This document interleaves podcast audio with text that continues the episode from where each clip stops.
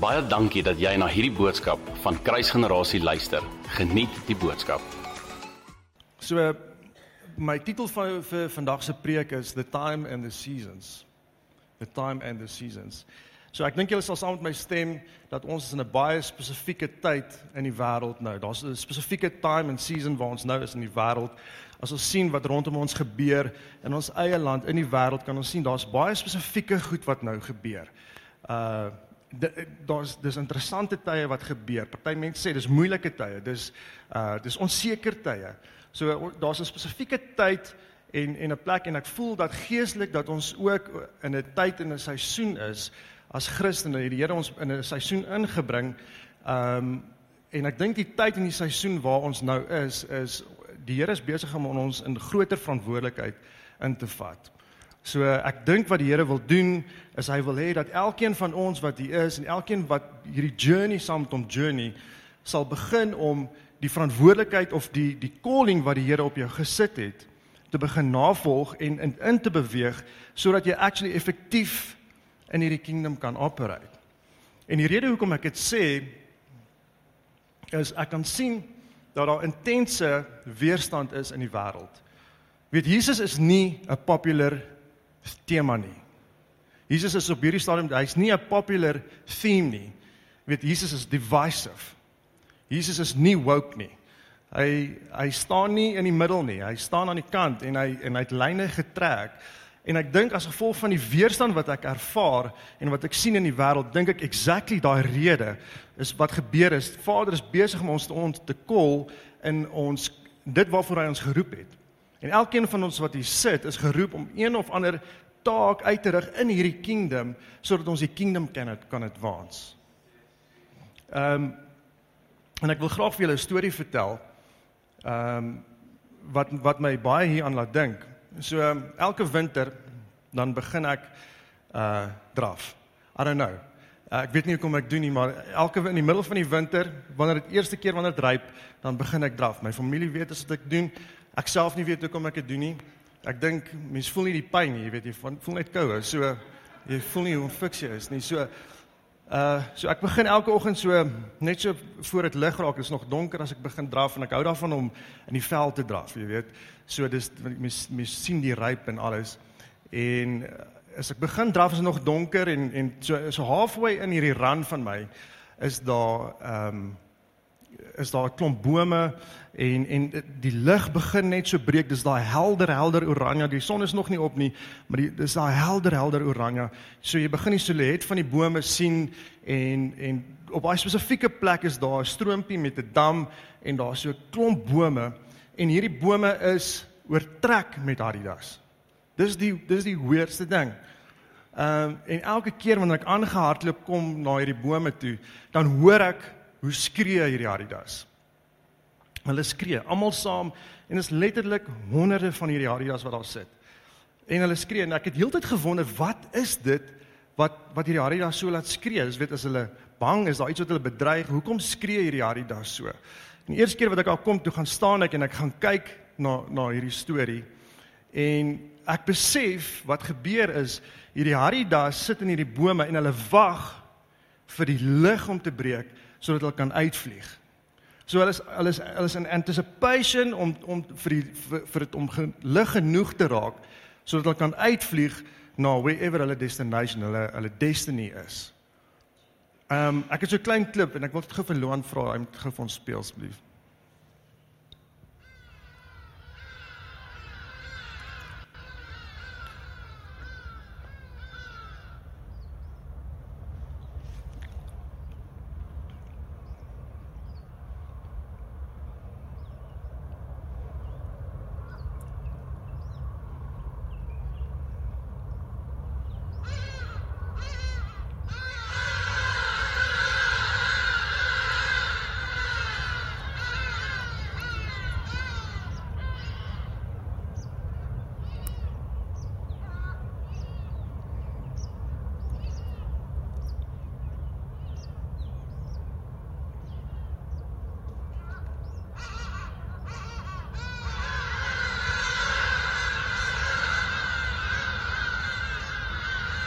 Dis hierdie fascinatingste ding. Dit het my so gefassineer, maar wat my fascineer is is ek ek hoor hoe die Heilige Gees met my praat deur hierdie Adidas.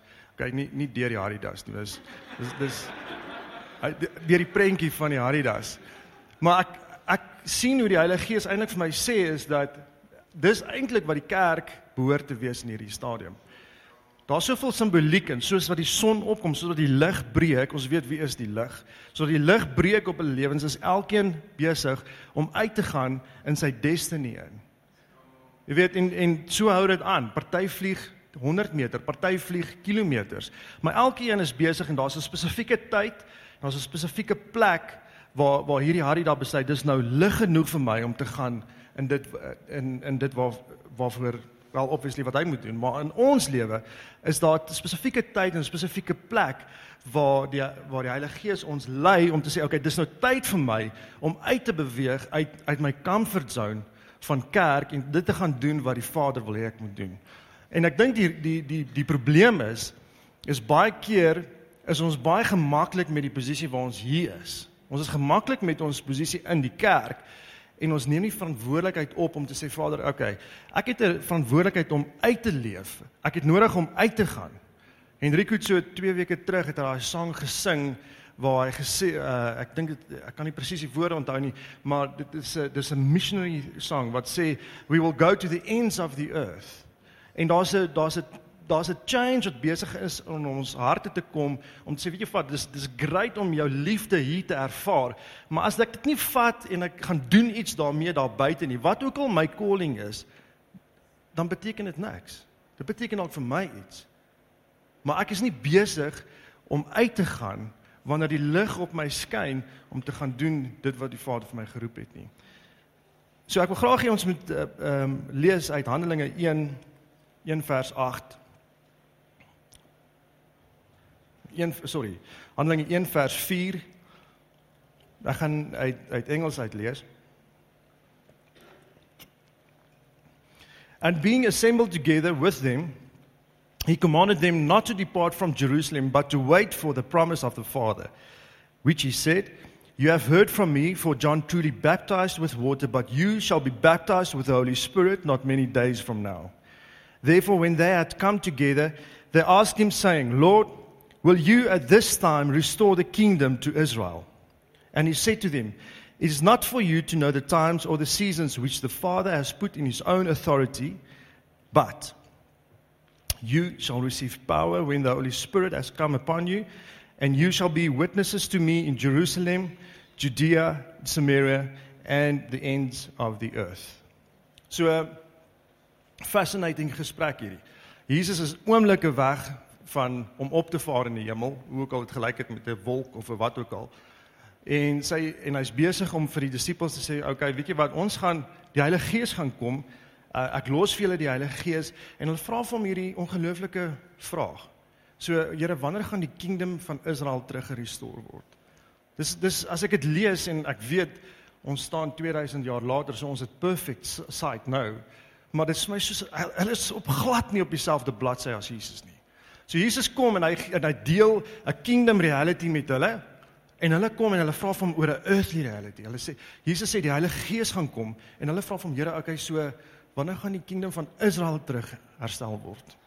Here so so wanneer gaan wanneer gaan Suid-Afrika weer reg? Wanneer gaan wanneer gaan ons weer 'n righteous government hê, Here? En die Here en Jesus antwoord hulle sê, hy sê sekere goed het die Vader vasgelê in tye. But you will receive power. En dit is my dis my so interessant dat hy dit sê. Um hy daar's eintlik drie goeters wat hy sê. Hy sê you will receive power, dis die hoe en ek dink ons vraag is is hoe hoe gaan ons aangaan in hierdie lewe? Hoe ek meen ons almal weet van die challenges wat ons face in hierdie land. Nie eens gepraat van Eskom nie. Ons het so baie challenges in hierdie land, maar ons het so baie challenges in ons eie lewens. En ek dink baie keer die vraag is is hoe doen ons hierdie? Hoe hoe face ons hierdie lewe? En Jesus gee vir hierdie ding. Hy sê you will receive power. Okay? Dis die hoe. You will receive power. Om wat te doen? To be my witnesses to the ends of the earth.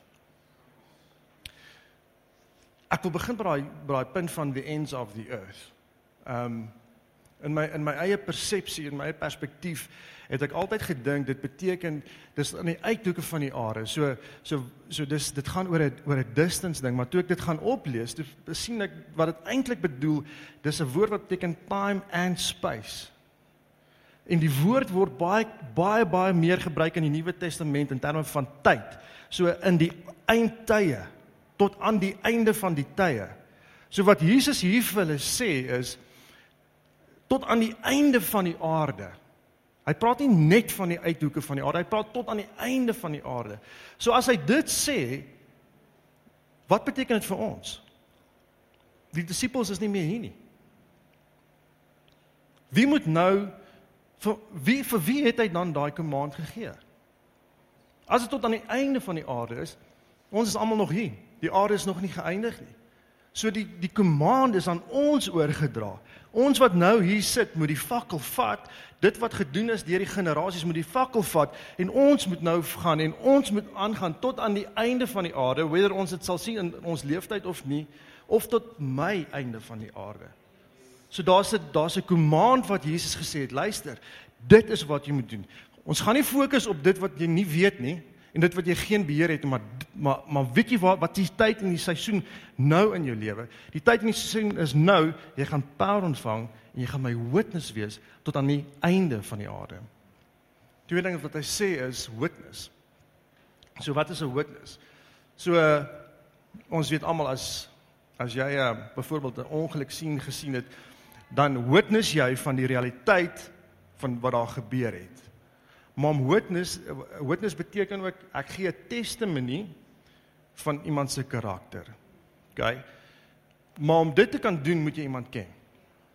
Jan het laasweek baie daaroor gepraat. Hy het gepraat oor ook oor werke en wonderwerke en miracles en ons het uit uit gepraat daaroor dat dan daar's 'n intimiteit wat ons moet hê met Jesus. So as Jesus praat van van witnessing, is daar twee aspekte. Ons moet hom ken Een en ons moet praat van dit wat ons sien. OK? Die laaste een is is power. Ehm um, so daar's baie ehm um, eienskappe of aspekte van power in die Nuwe Testament. Ja, en ons ons het al 'n paar van hierdie goed gehoor. Die een wat hier te sprake is is dunamis. So so Jesus sê uh en julle sal dunamis ontvang om my witnesses te wees tot die einde van die aarde. So dunamis weet jy dit beteken daai miracle working power. Dis iets wat dis God in ons. Dis hierdie miraculous ding wat gebeur. God doen iets deur ons en en dis fisies impossible vir 'n mens om dit te doen en ons en ons kan confirm dat dit God was as gevolg van van dit. Die ander woord wat krag beskryf is authority. En is interessant om te weet dat die Heilige Gees gee authority. Ag sorry, die Heilige Gees gee dunamis maar Jesus gee authority. En dat die twee konsepte saamloop. OK, maar in in konteks van wat hy hier sê, sê hy ek, ek gee vir jou dunamis. En my vraag is as witnessing dan net is om my God story te vertel vir mense, hoekom het ons krag nodig? Hoekom het ons krag nodig net om iemand te sê, okay, weet jy wat, dis wat die Here vir my gedoen het of jy weet die Here het my gered. Ek het bultnis nodig, verseker. Met 'n krag nodig om dit te doen. Ek dink nie. Dink jy ons het krag nodig nie?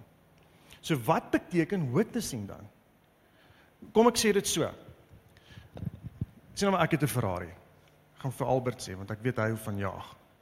Ek het 'n Ferrari en ek gee vir Albert my Ferrari en ek sê vir Albert hier's my Ferrari, hierdie kar kan 300 km/h ry. Vat hom, vat hom Kyalami toe en gaan jaag hierdie kar. Ja, en ek ken vir Albert so ek ek weet hy gaan hierdie hy gaan jaag. En ehm um, hy kom by Kyalami en hy hy strek die kar op die baan en hy staan by die streep en hulle sit hom af en Albert ry 60 km/h om my baan. Was daar fout met die Ferrari? OK. Daar's niks fout met die Ferrari nie. Daar's niks fout met die potensiaal van dit wat ek vir hom gegee het nie. Maar wat hy daarmee doen is 'n heeltemal ander storie. Wanneer ek na dit kyk as die een wat dit gee, sal ek bietjie dink bietjie van 'n waste. Jy weet, as as ek geweet jy gaan 60 ry, het ek dalk vir jou uh Uno gegee of iets wat nie jy weet wat nie hoef te jaag nie, jy weet. Maar ek het vir jou ek het vir jou iets gegee met potensiaal en dit wat jy daarmee doen is nie waarvoor dit gemaak is nie. En ek wonder baie keer as ek hieraan dink, hoe hoe kyk die Vader na ons? Hoe kyk Vader na ons wanneer hy vir ons gegee het potensiaal, dunamis potensiaal om om te witness in hierdie wêreld? Ek wonder of partykeer of kyk hy na ons en sê bietjie van 'n waste. My krag in jou bietjie van 'n waste. Lees gou saam met my 1 Korintiërs 12. Ehm um, 1 Korintiërs 12 vers 4 tot 11.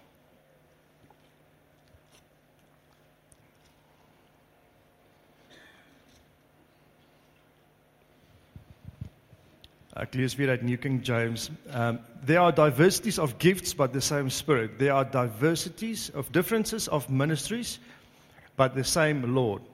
And there are diversities of activities but it is the same God who works all in all. But the manifestation of the spirit is given to each one for the profit of all. Dan gaan hy aan en dit sê dit praat van die van die gifts daarso. OK. Dan gaan jy hom hierdie raak sien. Daar is diversities of gifts, same spirit. Differences of ministries, same Lord. There are diversities of activities, same God. Drie funksies, drie persone. So wat ons probeer doen is ons probeer kyk die krag wat hier wat, wat Jesus hiervan praat wat ons kry as gevolg van die Heilige Gees, hoe is dit to, tot toepassing van ons in ons lewens? Hoe hoe kry ons die Ferrari Ferrari om te ry 300 km/h? So drie funksies, drie persone. Ons weet wat die wat die gawes van die Heilige Gees. Ek wil net gou hier stop. Ehm um, ek dink baie keer is ons geneig om te kyk na die gawes van die Gees en ons of die gifts of the spirit soos dit sê in Engels en ons wil die klem lê op die gifts. En ons vergeet dat Heilige Gees is die gift.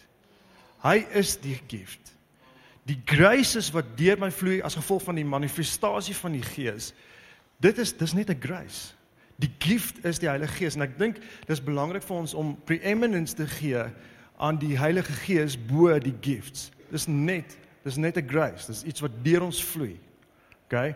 So dis die die gifts of the Holy Spirit. Dan sê hy um different the ministries but the same Lord. So daar's different ministries. Ons weet wat dit is. Dis die fivefold ministry. Um ek sukkel elke keer om dit te onthou. Uh, apostles, prophets, apostles, prophets, evangelists, pastors, teachers. Okay? Vyf van hulle. En dan die laaste een sê hy there are differences of activities but the same God. What's that? What's activities? Dis wat activities beteken. To be efficient, effective and powerful. To show forth self and to work. OK? Kom ek sê dit so. OK. Ek gaan dit dalk lees.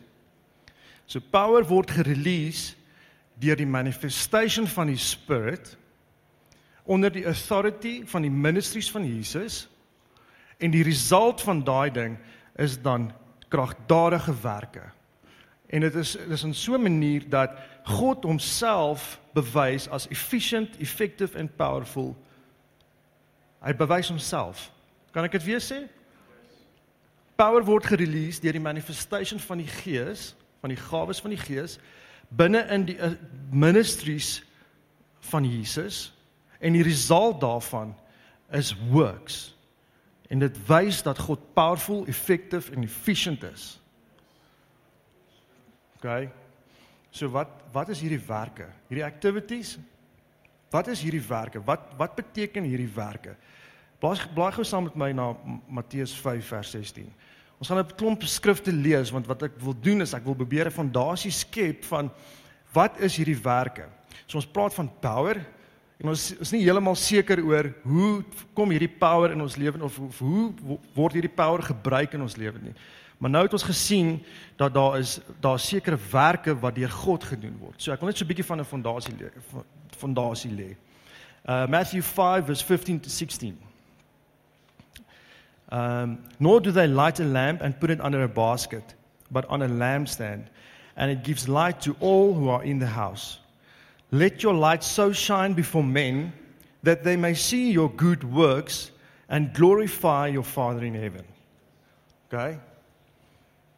So uh, dit beteken wanneer iemand langs die pad staan en stop ek langs by hulle en ek help hulle, dis my goeie dade, my goeie werke en en dit glorify die Vader. Nee, dit doen nie. Blaai gou saam met my Matthew 6 Matthew 6 verse 3 to 4. But when you do a charitable deed, do not let your left hand know what your right hand is doing, that your charitable deed may be in secret, and your Father who sees in secret, he himself will reward openly. Kan julle begin sien wat hier gebeur? So hier's 'n teaching, dis die bergpredikasie en Jesus is besig om te preek. Selfde teaching. Een kant sê hy, Doen jou werke so dat die mense dit sien en jou Vader verheerlik. Selfde teaching, volgende hoofstuk sê hy, maar wanneer jy goeie dade doen, moenie laat mense, moenie laat jou regterhand en jou linkerhand weet wat jy doen nie. En jou Vader sal jou eh, verheerlik. Nie nie verheerlik nie, dit sê die Vader sal jou reward and the Father reward will reward you openly. So Jesus is besig om 'n diferensiasie te skep tussen goeie dade en werke. Okay, maar ons weet nog steeds nie wat se werk nie. So blaai gou saam my na 1 Petrus 2 vers 12. Ek hoor die bladsy ritsel. Die foon is swart. 1 Petrus 2 vers 12. So ons ons is nou besig om te establish wat is dan die werke. Onthou 1 Korintiërs 12. Dit sê die activities, die werke van God. So wat is daai werke? having your conduct honorable among the Gentiles, that they speak against you as evildoers, um, that when they speak against you as evil evildoers, they may, by your good works which they observe, glorify God in the day of visitation. Volgende vers, Ephesians 2 vers 10. Ek gaan slank lees, jy hoef nie almal te blaai nie. For we are his workmanship created in Christ Jesus for good works. Daar's dit weer which God prepared beforehand that we should walk in them. So hier sê dit dat God werke vir ons berei, voorberei het. OK? En wat is die result van die werke? God word geglorify. So weer eens is dit nie van my dade nie, dis nie my goeie deeds wat ek doen wat hom glorify nie, want daarvoor reward hy my. My werke, OK? Kom ons gaan aan. Uh John 6 verse 28 to 29. Then um then they said to him What shall we do that we may work the works of God? And Jesus answered them and said, This is the work of God, that you believe him whom he sent. Okay, ek wil julle met 'n mental note van hierdie ene maak, van hierdie versie maak. Ek gaan nou nou terugkom na hom toe. So Jesus sê, hulle vra, "Okay Here, ons verstaan, hier's iets besig om te gebeur. So hoe werk ons die werke van God?" 1 Corinthians, the activities of God. Die werk, hoe werk ons die werke van God? En hy sê, So doen jy die werke van God. Jy glo in my. Hou hom op die ys. Ek gaan nou terugkom daartoe. Um John 9 verse 3 to 5. Uh die konteks van hierdie is um hy's 'n blinde man en Jesus besig om hom gesond te maak en die disippels vra hom wie het gesondig, hy of sy ouers? En Jesus antwoord hulle en hy sê and Jesus answered neither this man nor his parents sinned but that the works of God should be revealed in him. I must work the works of him who sent me while it is day. The night is coming when no one can. As long as I am in the world, I am the light of the world. Nou nou het ons gelees waar Jesus sê, you are the light of the world. Gaan. Dink dan net gou Jan. So Jesus sê hierso I'm the light of the world. I must work the works of him who sent me. Ons het vroeër in Matthew gelees waar hy sê, "Now you are the light of the world." En in Handelinge 1 sê hy, "Okay, weet jy wat? Julle gaan krag ontvang om wat te doen? To do the works of him who sent us." Okay? So ons begin 'n prentjie sien. Ons begin 'n prentjie sien van van wat dit is. Um Lukas 18 vers 43. And immediately he received his sight and followed him glorifying God and all the people when they saw it gave praise to God. Okay. Matthew 9 verse 8. Now when the multitude saw it they marveled and glorified God who had given such power to men. Ons wil baie keer na die Bybel kyk en dan dink ons ek weet wat seker goed is net toevallig. Hoekom sê dit glorified God who had given such power to men? Meervoud. Praat hulle van Jesus? Jesus ook. Maar dis men. So ons begin establish dat Jesus het in 'n sekere wy geoperate. En dan het hy vir sy disippels gesê, "Oké, okay, nou gaan julle so operate. Julle gaan krag ontvang en julle gaan nou doen wat ek gedoen het." Hier ons sal nou daarby kom, maar hy praat van ek is in die Vader, die Vader is in my en ons gaan nou ons woning in julle maak.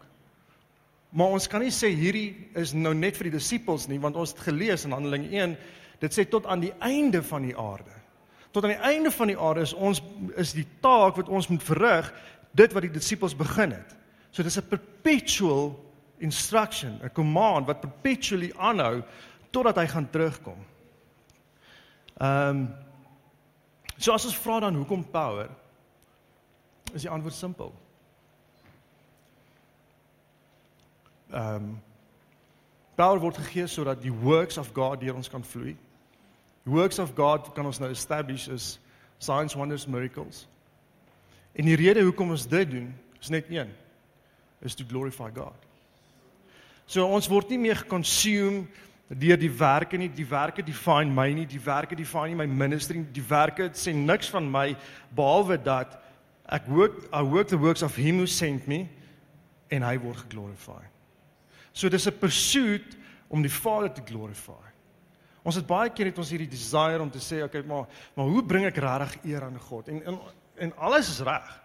Maar hier is hier een aspek wat ek dink ons baie keer lack En ons ons struggle met dit want dit is dit challenge ons. Dit is baie keer groter as ons omdat ons dit nie verstaan nie, omdat ons nie verstaan hoe lyk hierdie krag wat in ons is nie. Is dit moeilik vir ons om om actually dit wat binne ons is uit te gee en ons struggle om om dit om dit te doen. Ehm um, bly gesaam met my na John 14 vers 9 to 14. Ek lees hierdie vers want dit is Jan se favourite vers en ek dink dit gaan my punte gee. So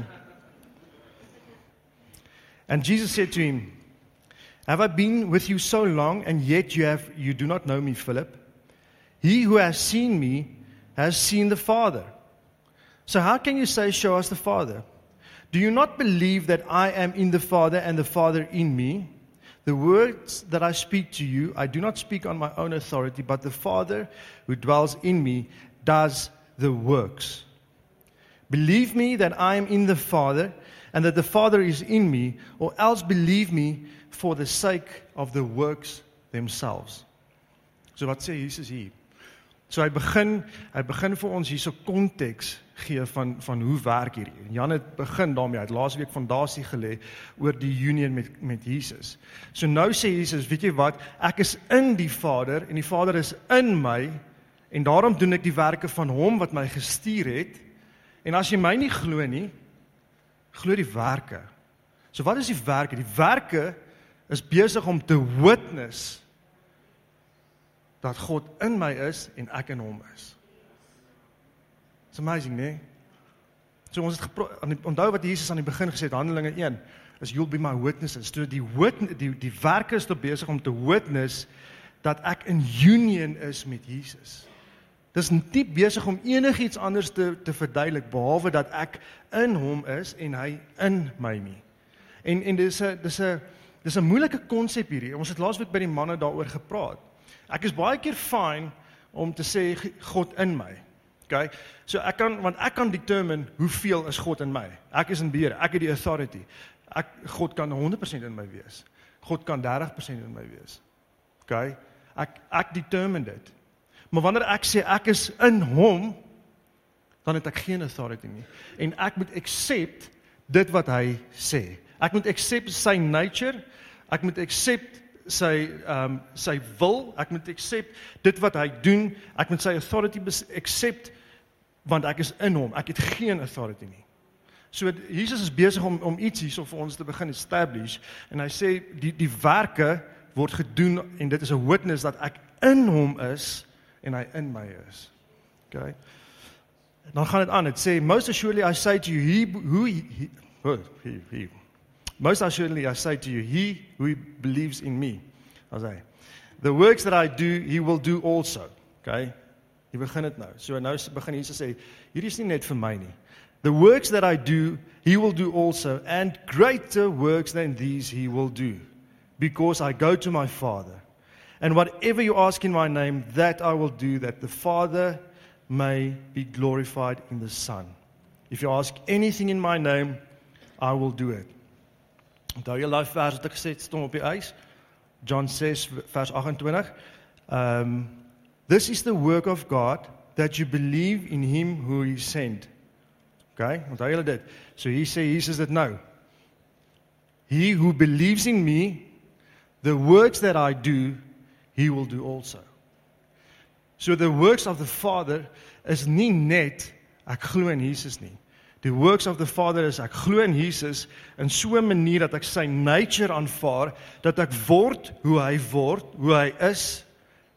Dit en dit maak dat daar werke deur my deur my lewe gebeur. So die works of God is dan gesetel in in my geloof in Jesus en nie in die werke nie. Die da, die werke is is 'n bysaak. Dit gaan oor oor ek wat in Jesus is, Jesus wat in my is. Ehm um, so laasweek het Jan gepreek uh, Matthew 7 Matthew Matteus 7 vers 21. En ons het gesien dat daar is werke wat gedoen word, maar tog sê Jesus dan vir die mense ehm um, ek ken jou nie. So die slotsom vir my is is die enige keer wanneer werke gedoen word sonder die union van in Jesus is jy illegitimate. En ek dink dit is wat Jesus die hele tyd hier probeer fokus op is dit gaan nie oor die werke nie. Die werke moet in jou lewe wees want dit is besig om die Vader te glorify. Maar dit gaan nie oor die werke nie. Dit gaan oor ek in jou en jy in my. Ek gaan nog 'n paar verse lees. Johannes 15 vers 1 tot 8.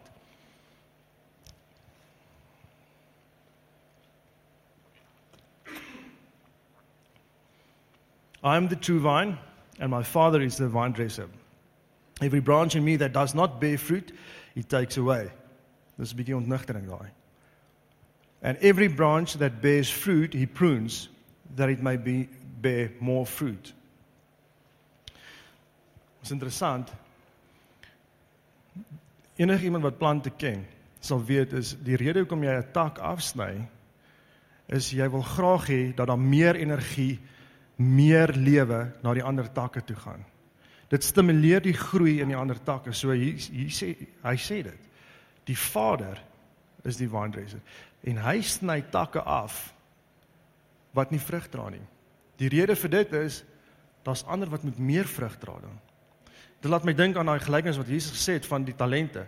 So sekere een kry 1, een kry 3 en een kry 5 of wat ook al. Maar as jy dit nie gebruik nie, word dit van jou weggevat en word gegee aan die wat die wat het. You are already uh, clean because of the word which I spoken to you. Abide in me and I in you. As the branch cannot bear fruit of itself unless the um, unless it abides in the vine. Neither can you unless you abide in me. Hy's weer besig om daai ding te establish dat dat die vrug kom as gevolg van my union binne in hom en en hy binne in my. Um, I am the vine, you are the branches. He who abides in me and I in him bears much fruit, for without me you can do nothing. If anyone does not abide in me, he is cast out as a branch and is withered, and they gather them and throw them into the fire, and they, and they are burned. If you abide in me and my words abide in you, you will ask what you desire, and it shall be done for you. By this my Father is glorified that you bear much fruit. So will you be my disciples. Okay. So dis amazing hier. So Jesus is almekaar besig om te sê die die way hoe hierdie vrug kom is ek in jou en jy in my. Hy sê dit oor en oor. Dis iets wat hy establish. Hy het dit gesê van sy eie ministry. Hy het niks gedoen wat die Vader nie vir hom gesê het om te doen nie. Hy het niks gesê gesê wat die Vader nie vir hom gesê het om te sê nie. So hy is in die Vader en die Vader is in hom. So hy's net 'n uitvloeisel van dit wat die Vader doen. Ehm um, so nou kom dit en hy sê maar in this you uh, in this my Father is glorified that you bear much fruit. Okay, so wat is die vrug? Is die vrug die vrug van die Heilige Gees? Kan wees. Is die vrug werke? Kan wees. Die vrug is alles. Die vrug is letterlik elke liewe ding wat Jesus daar vir ons gesit het om om, om effektief effectual witnesses hier op die aarde te wees. Dit is die vrug. Om in die om die vrug van die Gees die die die gifts van die spirit, die ministries van Jesus en die werke van God, dit alles saam maak dat ons vrug dra. OK. En dis hoekom ek wil terugkom na daai oorspronklike prentjie wat ek vir julle gesê het van die Haridas. Is dis baie belangrik dat ons by 'n plek kan kom as Christene waar ons nie net meer hier okay is met dit wat ons hier ervaar nie. So hierdie is great. En hierdie is awesome. En en even Paulus sê ons moenie hierdie mis nie. Ons moet hierdie doen. Maar hierdie serve a purpose. Die purpose van hierdie community is is wanneer iemand uitgaan om hom te celebrate en dit en eintlik eintlik aan te moedig om uit te gaan in die calling en dit wat waarvoor die Vader jou geroep het.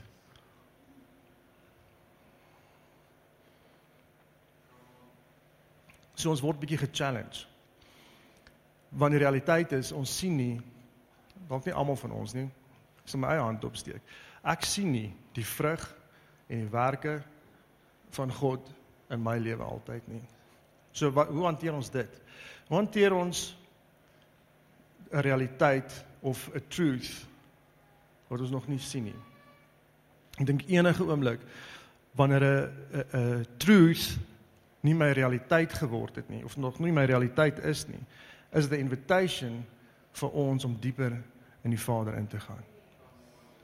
Daar's geen ander way waar ons hierdie ding kan persoon. Daar's geen ander ehm um, manier wat ons wat ons hierdie hierdie works kan pursue sonder om te sê okay weet weet jy wat hoe ek dit gaan doen is nie deur groter geloof nie ek gaan nie harder bid nie ek het nodig om binne in ek het nodig om my identiteit binne in my Vader te vind ek het nodig om myself so binne in hom te gooi dat dat my kingdom reality soveel groter is as my earthly reality want die earthly reality het die potensiaal om alles wat hy daar gedoen het te destrooi As my fokus hier is, gaan ek nooit kan sien wat hy doen nie.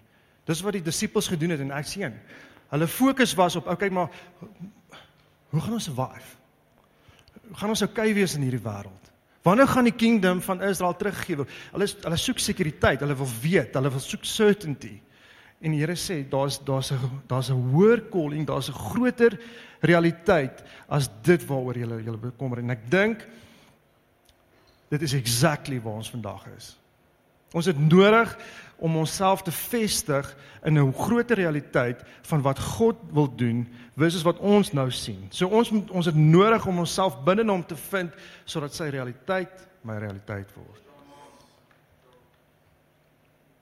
So ons begin met times and seasons. Die topik van die van die van die message was times and seasons. Ehm um,